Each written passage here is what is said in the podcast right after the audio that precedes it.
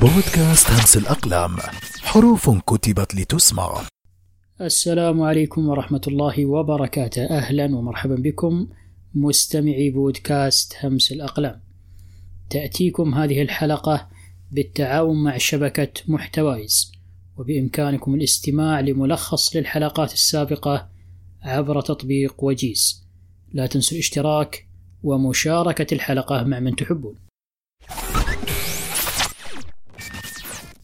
معروف الرصافي ولد معروف بن عبد الغني ابن محمود الجباري الحسيني في بغداد عام 1875 للميلاد من أب كردي وأم عربية. كان والده يعمل في حكومة الدولة العثمانية برتبة باش جاويش وتعود أصول عائلته إلى عشيرة الجبارين وهي عشيرة كردية ذات أصل علوي النسب.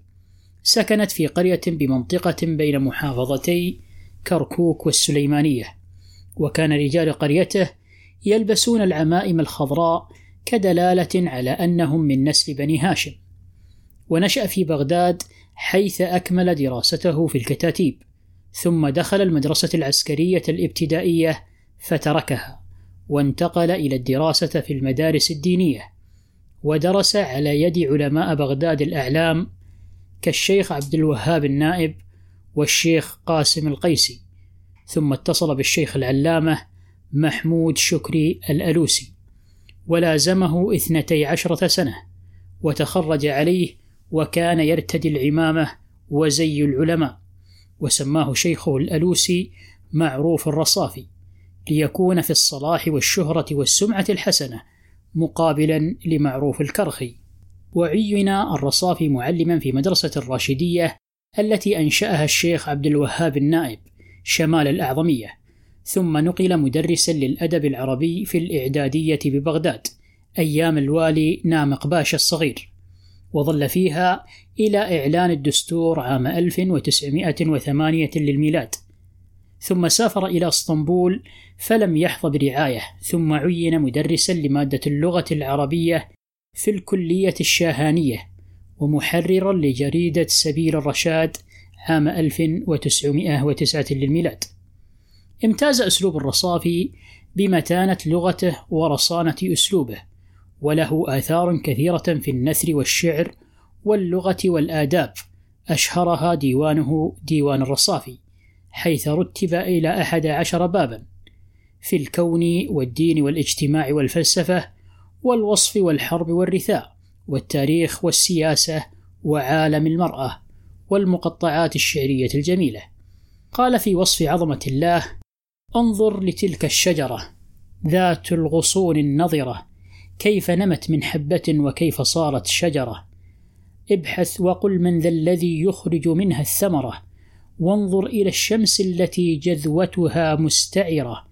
فيها ضياء وبها حرارة منتشرة من ذا الذي أوجدها في الجو مثل الشررة. ذاك هو الله الذي أنعمه منهمرة ذو حكمة بالغة وقدرة مقتدرة.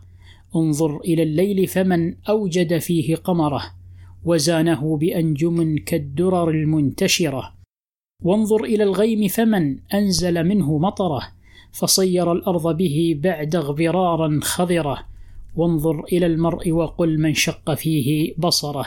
من ذا الذي جهزه بقوة مفتكرة. ذاك هو الله الذي أنعمه منهمرة.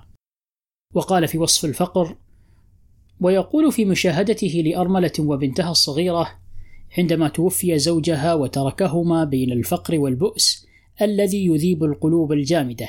حيث بلغ القمة بوصفه إذ قال لقيتها ليتني ما كنت ألقاها.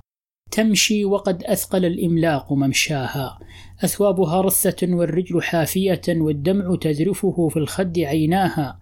بكت من الفقر فاحمرت مدامعها واصفر كالورس من جوع محياها. مات الذي كان يحميها ويسعدها.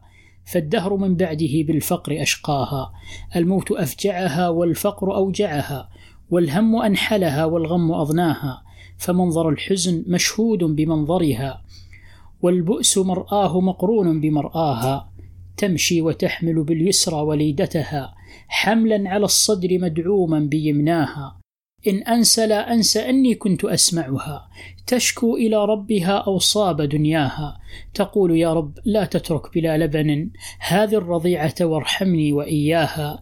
كانت مصيبتها بالفقر واحدة وموت والدها باليتم ثناها. هذه حكاية حال جئت أذكرها وليس يخفى على الأحرار مغزاها. وفي الفلسفيات يقول متى تطلق الأيام حرية الفكر فينشط فيها العقل من عقله الأسري ويصدع كلا بالحقيقة ناطق ويترك ما لم يدر منها لمن يدري. أرانا إذا رمنا بيان حقيقة عزينا معاذ الله فيها إلى الكفر. جهلنا أشد الجهل آخر عمرنا كما قد جهلنا قبله أول العمر. لقد شارك الرصافي في قضايا أمته السياسية والإجتماعية. ودعا إلى بناء المدارس ونشر العلم والتي ينبغي لطالب العلم ألا يكون طلبه للعلم لذاته بل لغايات اجتماعية وذلك من خلال ربطه بالعمل. لذلك يقول ابنوا المدارس واستقصوا بها الأمل حتى نطاول في بنيانها زحلا جودوا عليها بما درت مكاسبكم وقابلوا باحتقار كل من بخل لا تجعلوا العلم فيها كل غايتكم بل علموا النشأ علما ينتج العمل. رب البنين مع التعليم تربية يمسي بها ناطق الدنيا بها المثل. فجيشوا جيش علم من شبيبتنا. عرمرم تضرب الدنيا به المثل. إنا لمن أمة في عهد نهضتنا. بالعلم والسيف قبل أن أنشئ الدول. عندما احتل الإنجليز العراق سنة 1920 سرعان ما نصبوا فيصل ملكا على البلاد. وأصدروا دستورا وأنشأوا برلمانا مزيفين وأصبحت أمور البلاد بأيديهم ثار الشعب العراقي وثار الرصافي معهم حيث أنشد قصيدته التي جاء فيها علم ودستور ومجلس أمة كل عن المعنى الصحيح محرف أسماء ليس لنا سوى ألفاظها أما معانيها فليست تعرف. من يقرأ الدستور يعلم أنه وفقا لصك الانتداب مصنف. فكان الدستور الذي سن في نظره ليس إلا وثيقة جديدة للانتداب الذي فرضه الإنجليز على العراق. دستور مزيف وعلم الدولة مزيفا هو الآخر وحتى المجلس الذي يسمى بمجلس الأمة أيضا كان مزيفا. ثم نلاحظ الشاعر الرصافي يصرخ ساخرا ويقول يا قوم لا تتكلموا. إن الكلام محرم. ناموا ولا تستيقظوا ما فاز إلا النوم. وتأخروا عن كل ما يقضي بأن تتقدموا ودعوا التفهم جانبا فالخير ألا تفهموا. أما السياسة فاتركوا أبدا ولا تتندموا. في يوم الفلوجة ومقاومتها ضد الاستعمار قال الرصافي أيها المحتل لن نتناسى بغيكم في مساكن الفلوجة. ذاك بغي ليفيد انتقاما هو مغرم بالساكنين علوجه يوم عاثت ذئاب آثور فيها عيثة تحمل الشنار سميجة فاستهانت بالمسلمين سفاها واتخذتم من اليهود وليجة. توفي الرصافي بداره في محلة السفينة في الأعظمية. ليلة الجمعة في السادس عشر من مارس عام 1945 للميلاد. وشيع بموكب مهيب سار فيه الأدباء والأعيان ورجال الصحافة ودفن في مقبرة الخيزران.